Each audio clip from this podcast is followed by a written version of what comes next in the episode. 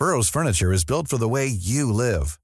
From ensuring easy assembly and disassembly to honoring highly requested new colors for their award-winning seating, they always have their customers in mind. Their modular seating is made out of durable materials to last and grow with you. And with Burrow, you always get fast, free shipping. Get up to 60% off during Burrow's Memorial Day sale at burrow.com slash ACAST. That's burrow.com slash ACAST. burrow.com slash ACAST. It's that time of the year. Your vacation is coming up. You can already hear the beach waves, feel the warm breeze, relax, and think about work. You really, really want it all to work out while you're away.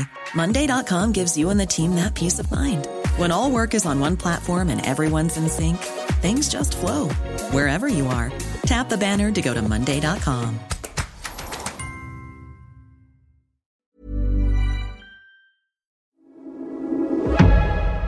Du lyssnar på GVS ljudböcker.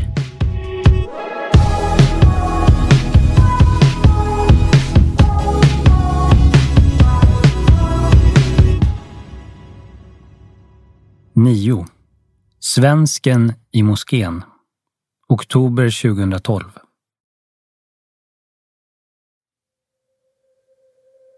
Jag och Kristoffer tar tillfället i akt att återbesöka Camp Northern Lights och vår vän William. Han har hunnit tillbringa lite tid hemma i Sverige men beslutar sig ganska snart att åka på ännu en mission. William trivs helt enkelt med livet som elitsoldat. Han tycker om arbetsuppgifterna men ger fortfarande inte mycket för insatsen som sådan. Alltså, jag tycker man borde lägga asfalt överallt och sen lämna. Det märker man väldigt tydligt här när man asfalterar en väg. Då kommer handen igång och allting lugnar ner sig.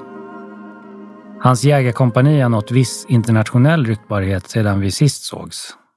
En berömd bild var allt som krävdes.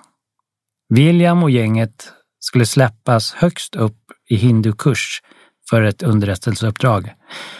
När man släpps från helikopter vill man ha så lite grejer som möjligt med sig eftersom man måste bära allt. När man kommer fram så gräver man sina värn och så och sen är det ju bara att vänta, säger han. Eftersom risken för ett överfall bedömdes som obefintlig behövde utkiken bara bemannas av en person åt gången. Resten av jägarna kunde sova. I den stränga kylan kurade de ihop sig för att dra nytta av varandras kroppsvärme. Utkiken knäppte en bild som sedermera läckte och spreds på internet under titeln “Svenska soldater gosar i Afghanistan”. Den kommer diskuteras flitigt på amerikanska militärforum. 70 procent säger att vi är hjältar. 30 procent säger att så går det när ett land blir för sekulariserat. Alla bara bögar hela tiden och Sverige har en bögarmé. Det är hysteriskt kul att läsa, skrattar William. Det är roligt att få träffa honom igen. Han blir dock bekymrad när han får höra att vårt nästa stopp är Jalalabad. Där ska det ju vara helt galet. Det finns mer som en bana i Call of Duty.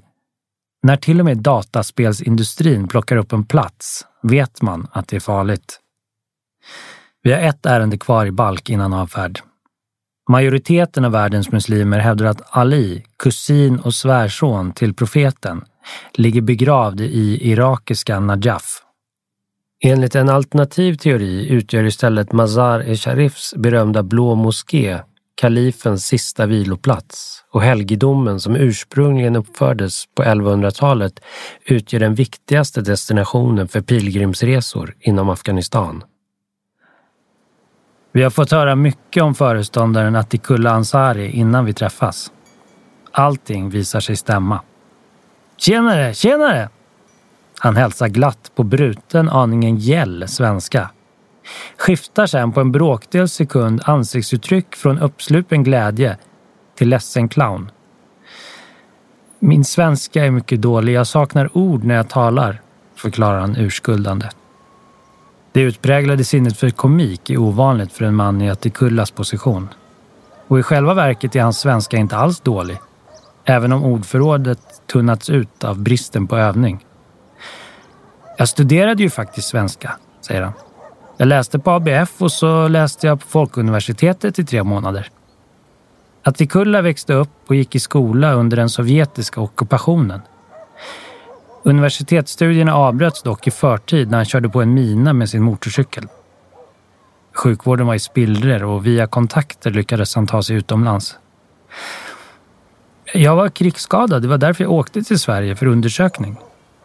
I sitt andra hemland blev Attikulla kvar i tre år. Till 1989 då den slagna supermakten Skamset tvingades lämna Afghanistan. Jag bodde i Haninge, nära Stockholm. Södra Stockholm. Det var jättebra. Jag var lärare på, på dagis och på fritids. Återkomsten till ursprungslandet blev inte vad han hade hoppats på. Talibanerna erövrade centralmakten och Atikulla spenderade ett rastlöst decennium som internflykting i de delar av landet som kontrollerades av norra alliansen. Efter den amerikanska invasionen 2001, då mer än 15 år förflutit sedan resan till Sverige, kunde han återvända till hemstaden Mazar-e-Sharif. Anställning inom Blå moskén är eftertraktat och svårt att få. Men för Atikulla stod dörrarna på vid gavel. Han stammar ifrån en släkt som varit involverad i skötseln av moskén i ett halvt millennium och hade 500 år av goda referenser på sitt CV. Nej, vänta lite. Lite längre faktiskt. Kanske 530, säger Attikulla medan blicken förlorar sig i historien. Idag är han moskéns förvaltningschef och märkbart stolt. Den är viktig för alla muslimer. Efter Mekka och Medina är det här en av de allra heligaste platserna. Människor kommer dit från hela världen. Men wahhabiterna tycker inte om den. Positionen innebär att han befinner sig i skärningspunkten mellan stadens religiösa och politiska liv. Få saker av betydelse sker i Mazar-e-Sharif utan att Atikullah känner till och har en åsikt om dem. Hans tjänst är egentligen administrativ snarare än religiös. Men i ett land där religionen är överallt flyter begreppen ihop. Människor ringer mig hela tiden när de har problem. Det kan vara makar och hustrur som har problem eller en man som har problem med sin son. De frågar mig, Atikulla, vad säger islam att jag ska göra? Jag svarar så gott jag kan. Ibland får jag fråga mullan. För tillfället är det stora samtalsämnet ISAF-truppernas stundande uttåg. Det finns en risk att talibanerna kommer tillbaka och att det blir krig igen. För den afghanska polisen och militären är inte särskilt stark ännu. Men utlänningarna har lovat att ta ansvar, att fortsätta stoppa talibanerna och al-Qaida. Samtidigt medger Atikullah gärna att utländsk militär inte står högt i kurs hos de flesta afghaner. Många vill att amerikanerna och britterna ska lämna. Britterna, du vet, de ockuperade det här landet förut. Det är många som minns det. Amerikanerna har också ställt till mycket problem. Det blir bättre när de lämnar. Vi behöver inte soldater, vi behöver läkare. Vi har haft krig i 30 år, säger han och ser bedrövad ut. Inte teatraliskt bedrövad som nyss, utan genuint. I kampen om Afghanistans framtid säger Attikulla, är utbildning och fattigdomsbekämpning de vapen som måste utmana kulor och gevär. Du vet, 90 eller 95 procent av alla afghaner bor på landet och odlar. De har inget bra liv. De är mycket fattiga. För de unga finns det inga jobb. Vad ska de göra? Det är så talibanerna rekryterar. De säger “Hej, ta vapen, kom med oss” eller “Ni får de här pengarna om ni spränger en polisbil”. Det är på grund av fattigdom, att det inte finns jobb. Vet du här, i Mazar har vi 200 skolor.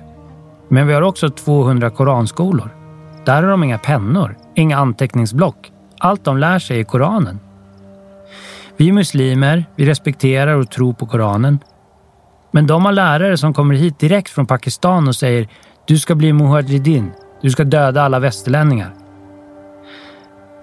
Mazar-e-Sharif är de svenska truppernas ansvar och bas. Vi har visat att man kan lita på militärer, sa överste Anders när jag träffade honom. Och de soldater vi talat med har ofta framfört uppfattningen att de är förhållandevis populära bland lokalbefolkningen. Attikulla, som lever betydligt närmare stadens puls, har en aningen annorlunda bild. Nja, de flesta tycker inte så mycket om dem. För de gör ingenting. Om det är ett problem och man ber dem att hjälpa till så gör de inte det. De är inte ute så mycket och hälsar på vanliga människor. De håller sig för sig själva. De är så här. Vet du vad jag menar? Säger Attikulla och sätter demonstrativt näsan i vädret samtidigt som han skrattar så att han kiknar. Han är frispråkig och resonerande. Har nära till skratt, men tycks också lätt bli uttråkad. Kristoffer har knappt hunnit ställa in skärpan innan Attikullas frustrerande sång ekar över stenläggningen. Ja må han leva, ja må han leva. Utropen från en minaret avslöjar att eftermiddagsbönen har börjat. Fast i Attikulla som måste iväg har han märkbart svårt att sluta prata. Jag tycker mycket om blommor. Vi har både här och på andra sidan, säger han och börjar inspektera en rosenrabatt. Han går men vänder tillbaka en sista gång. Ni måste hälsa till Eva Dahlgren. Hon skickade ett brev till mig för fyra år sedan. Säg till henne att det var jättesynd att jag inte kunde svara på ditt brev, men jag skriver inte så bra på svenska. Det visar sig att en svensk officer några år tidigare ordnat fram en personlig hälsning från Attikullas musikaliska idol. Jag tycker så mycket om hennes musik. Den är lugn. Lova att hälsa det. Det kommer dröja alldeles för länge innan vi framför hälsningen. Eva Dahlgren svarar desto snabbare. Tack för din hälsning från Attikulla. Det är alltid underbart att höra att musik har ett universellt språk. Att det förenar oss över landsgränser. Hälsa honom att tack vare människor som honom känner jag att mitt arbete får rättfärdigande.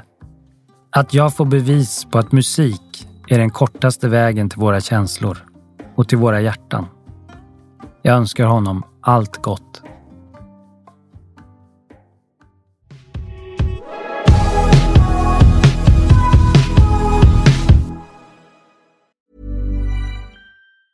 There's never been a faster or easier way to start your weight loss journey than with PlushCare.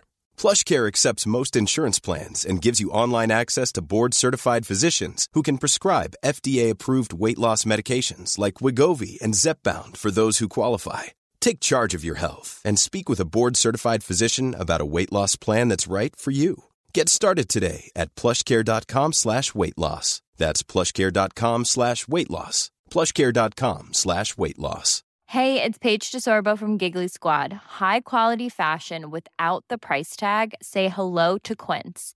I'm snagging high-end essentials like cozy cashmere sweaters, sleek leather jackets, fine jewelry, and so much more. With Quince being 50 to 80% less than similar brands. And they partner with factories that prioritize safe, ethical, and responsible manufacturing. I love that. Luxury quality within reach. Go to quince.com slash style to get free shipping and 365 day returns on your next order.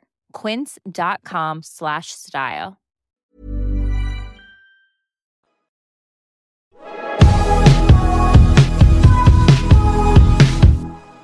Tio. Kriget. Oktober 2012. Vi är på väg till Lagman, provinsen mellan Kabul och Nangarhar. Jag är nedstämd och lägger överhuvudtaget inte märke till den svindlande utsikten från Jalalabad Road. Kvällen innan har vi nåtts av beskedet att Daoud, den femårige pojken med de glittrande ögonen, dog strax efter vårt sista besök i lägret ett halvår tidigare. Som ett av de sista offren för den stränga vinterkylan släcktes hans liv. Alldeles som våren stod för dörren. Det tar mig ganska hårt. Återigen drabbas jag av den privilegierades dåliga samvete över att inte ha gjort mer. Och viss skam över min egen i sammanhanget patetiska sorg. Det är knappast jag som dött. Det är knappast jag som kommer att frysa nästa vinter. Lagman rycker mig ur funderingarna. Det var länge sedan USA och dess allierade förlorade den territoriella kontrollen över provinsen och talibanerna besvarar koalitionsstyrkornas dagspatruller med räder nattetid. En klassisk gerillataktik som låter rörelsen kompensera sin svagare eldstyrka med överlägsen lokalkännedom och rörlighet. Natten innan vi anländer har talibanerna sprängt vägen till provinshuvudstaden Mehtarlam. Sprängladdningen har slitit upp den ena vägbanan. Från bägge håll försöker bilar navigera runt den meterdjupa kratern och genom folkmassan som omger den. Vi sitter fast och jag blir nervös. Blickarna som riktas mot mig är inte vänliga. Barnen vinkar inte tillbaka när jag hälsar på dem genom vindrutan. Ingenting händer. Avståndet från hatiskt blängande till fientliga handlingar är givetvis stort, men det är en påfrestande situation. Jag försöker se mig själv genom deras ögon och förstå avskyn, men är långt ifrån säker på att jag lyckas.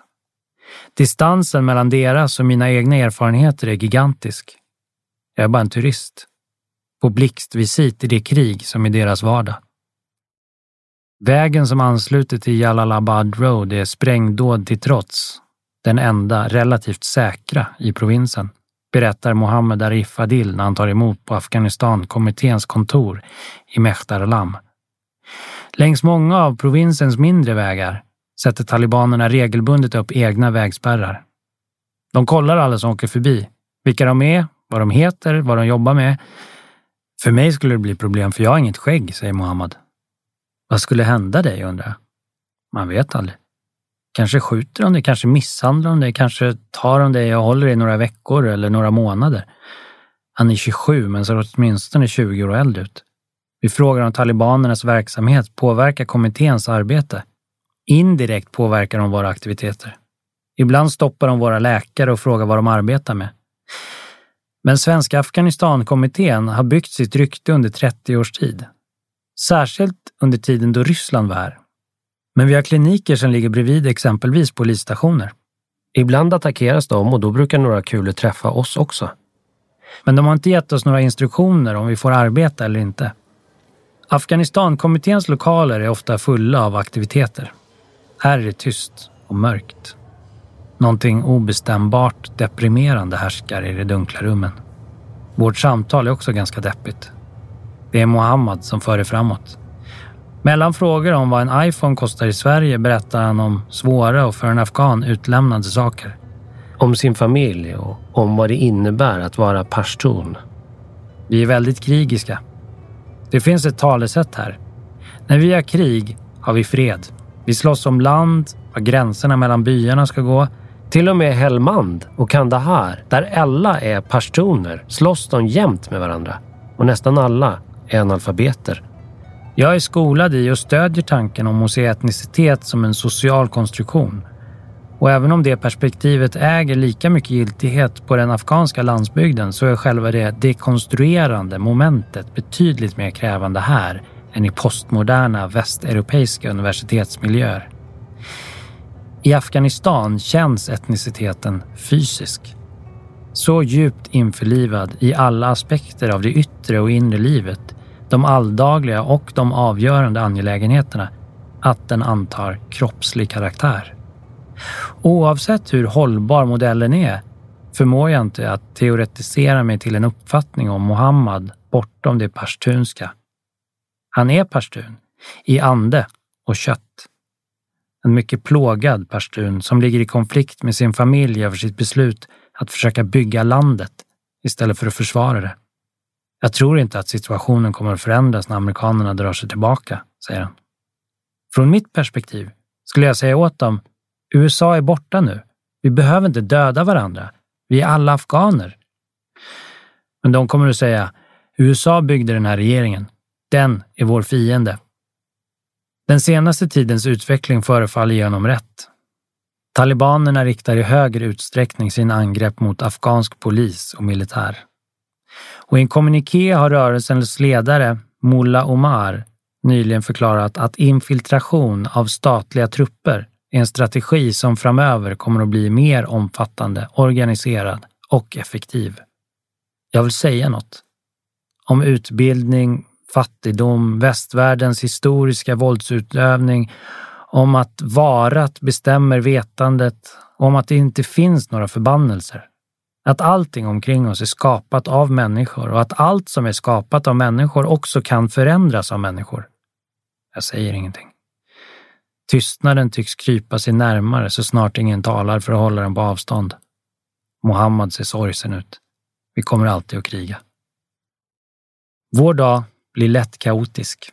Den sjuksköterskeutbildning vi reste till Lagman för att dokumentera har ännu inte börjat och istället arrangerar våra värdar ett improviserat studiebesök på provinssjukhuset. Doktor Ziauddin, en ung och uppenbart engagerad läkare, är ansvarig för pediatriken och är fast besluten att lära oss allt om hur avdelningen räddar för tidigt födda barn. Han talar så snabbt att han knappt hinner andas mellan meningarna. Det är för mycket tekniska detaljer för att någonting egentligen ska fastna. Mängden kilokalorier per centiliter mjölk, antal centiliter mjölk per kilo patient, kroppsvikten multiplicerad med antalet centiliter dividerat med 8 och administrerat var tredje timme och hur hypoglykemi hos de minsta kräver mjölk med lägre proteinnivåer.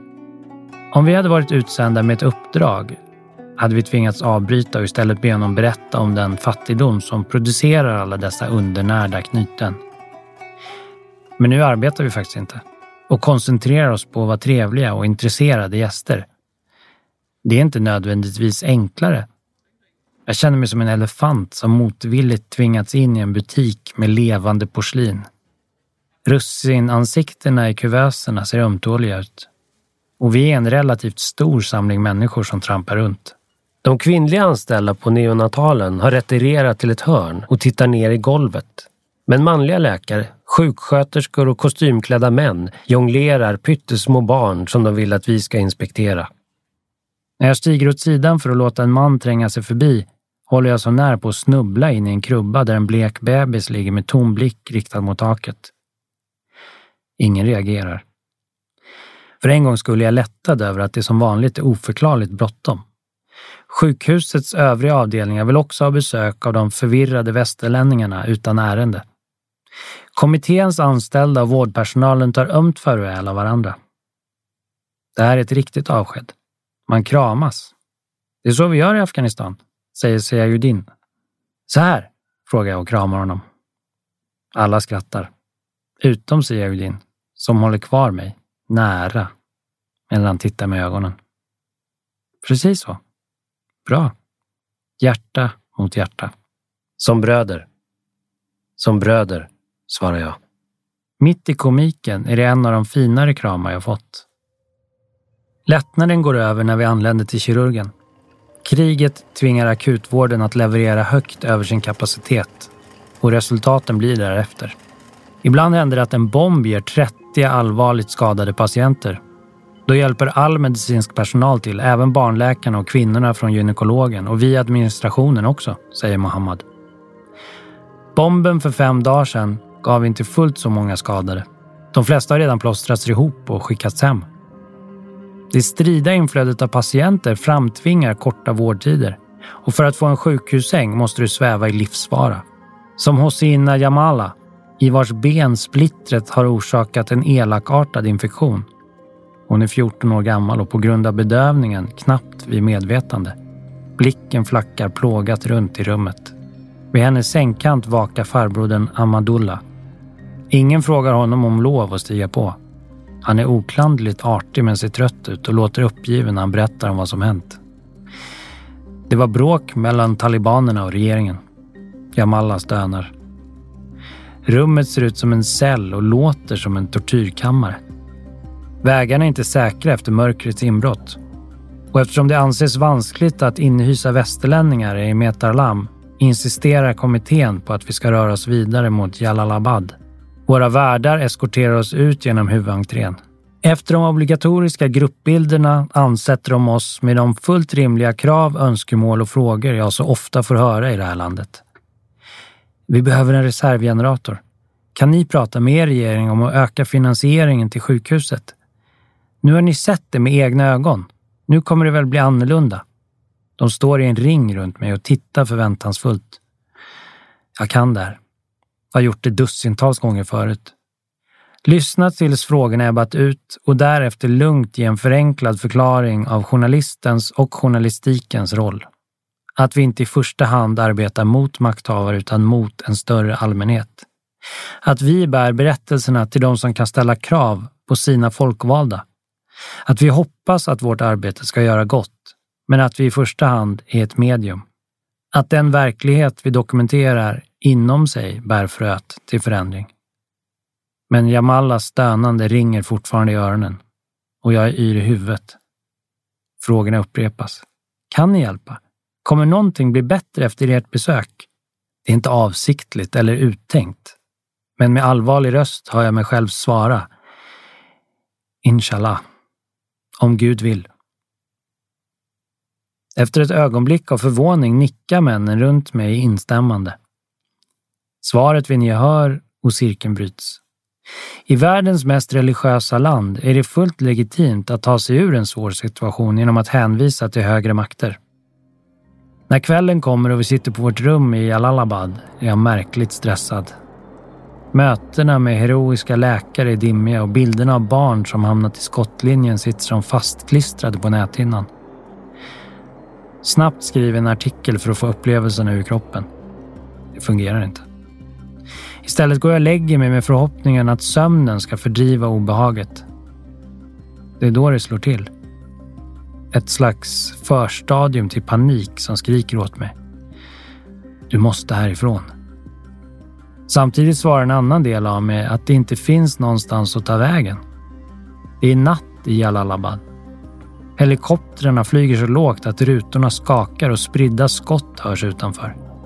Jag har varit med om några farliga situationer i Afghanistan. Det här är inte en av dem. Ändå är det enda gången jag verkligen drabbas av någonting som jag inte kan kontrollera. Jag känner mig jagad, kan inte sluta tänka.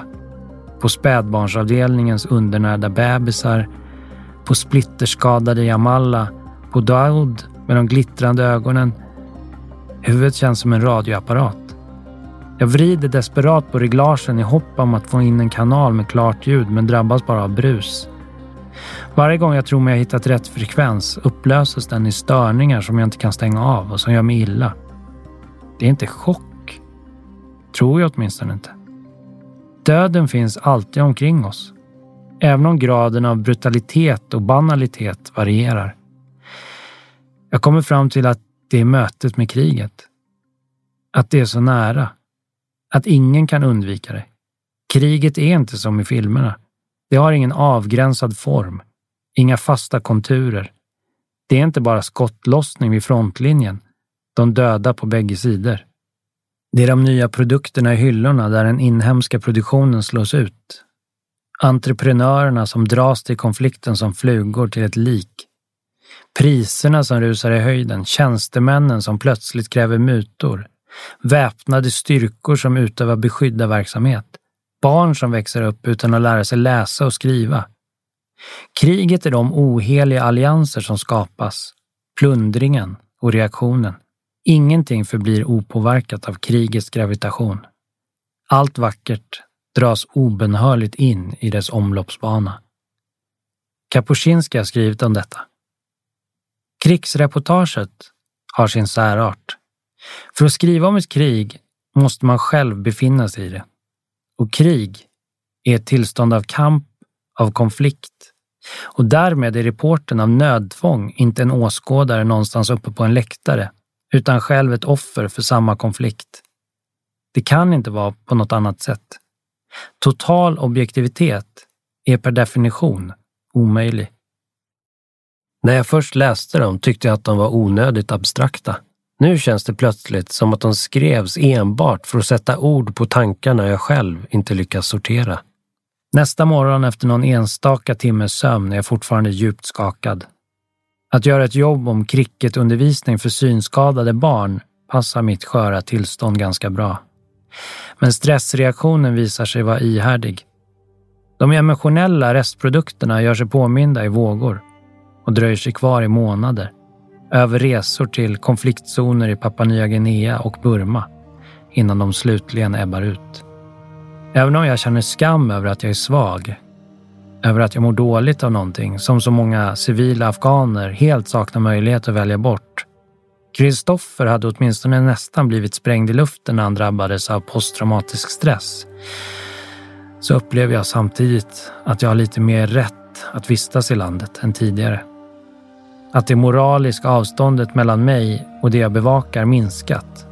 Nu när även jag drabbats av något. Kanske är det bara en vit lögn från mitt undermedvetna sida. Ett försök att trösta mig. Som när en förälder säger till sitt barn att skolkamraternas glåpord kommer att göra det starkare. Total objektivitet är per definition omöjlig, skrev Kapuscinski. Det gäller såväl kriget som ditt eget mentala tillstånd.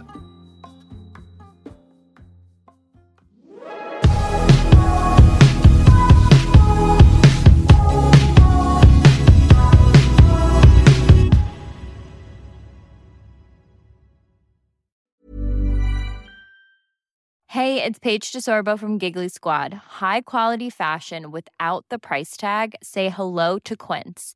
I'm snagging high-end essentials like cozy cashmere sweaters, sleek leather jackets, fine jewelry, and so much more. With Quince being 50 to 80% less than similar brands. And they partner with factories that prioritize safe, ethical, and responsible manufacturing. I love that. Luxury quality within reach. Go to quince.com slash style to get free shipping and 365 day returns on your next order. Quince.com slash style.